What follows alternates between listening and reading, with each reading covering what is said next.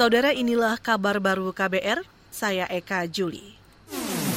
Kabar Pemilu. Kabar Pemilu. Saudara Presiden Joko Widodo mendorong media massa turut mengawal jalannya pemilu 2024.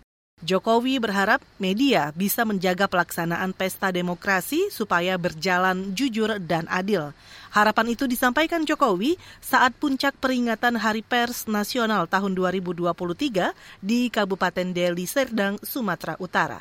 Memasuki tahun politik, media massa harus tetap berpegang teguh pada idealisme, objektif, dan tidak tergelincir dalam polarisasi media harus mendorong pelaksanaan pemilu 2024 supaya berjalan jujur dan adil serta meneguhkan persatuan Indonesia.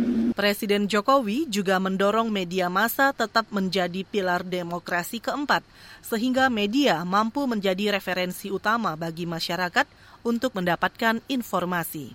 Kita ke informasi lain, Majelis Hakim Pengadilan Negeri Jakarta Barat menolak seluruh sanggahan atau eksepsi yang diajukan tim penasehat hukum bekas Kapolda Sumatera Barat Teddy Minahasa Putra. Teddy didakwa menjual sabu sitaan hasil tangkapan Polres Bukit Tinggi Sumatera Barat. Hakim Ketua John Saragih mengatakan, persidangan kasus narkoba itu tetap berlanjut. Menyatakan eksepsi keberatan dari penasihat hukum terdakwa tidak dapat diterima dan ditolak. Tiga, menetapkan bahwa pemeriksaan perkara atas nama terdakwa Teddy Minahasa Putra bin H. Abu Bakar tetap dilanjutkan. Itu tadi Hakim Ketua John Saragi. Sementara itu, Jaksa Penuntut Umum menyatakan bakal menghadirkan bukti dan saksi pada agenda pemeriksaan Senin pekan depan. Sebelumnya, eksepsi diajukan penasehat hukum Teddy Hotman Paris Hutapea.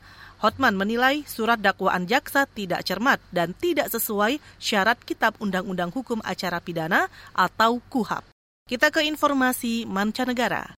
Jumlah korban tewas akibat gempa di Turki dan Suriah mencapai 16.000 orang. Dari jumlah itu, hampir 13.000 korban tewas berasal dari Turki. Jumlah ini melampaui prediksi dari Badan Survei Geologi Amerika yang memperkirakan korban tewas 10.000 orang. Dilansir dari CNN, cuaca dingin ekstrim hingga badai salju turut mempersulit proses penyelamatan. Tim evakuasi juga mengaku kesulitan mengakses lokasi gempa karena luasnya daerah yang terdampak. Gempa magnitudo 7,8 sebelumnya mengguncang Turki dan Suriah pada Senin lalu. Saudara demikian kabar baru, saya Eka Juli.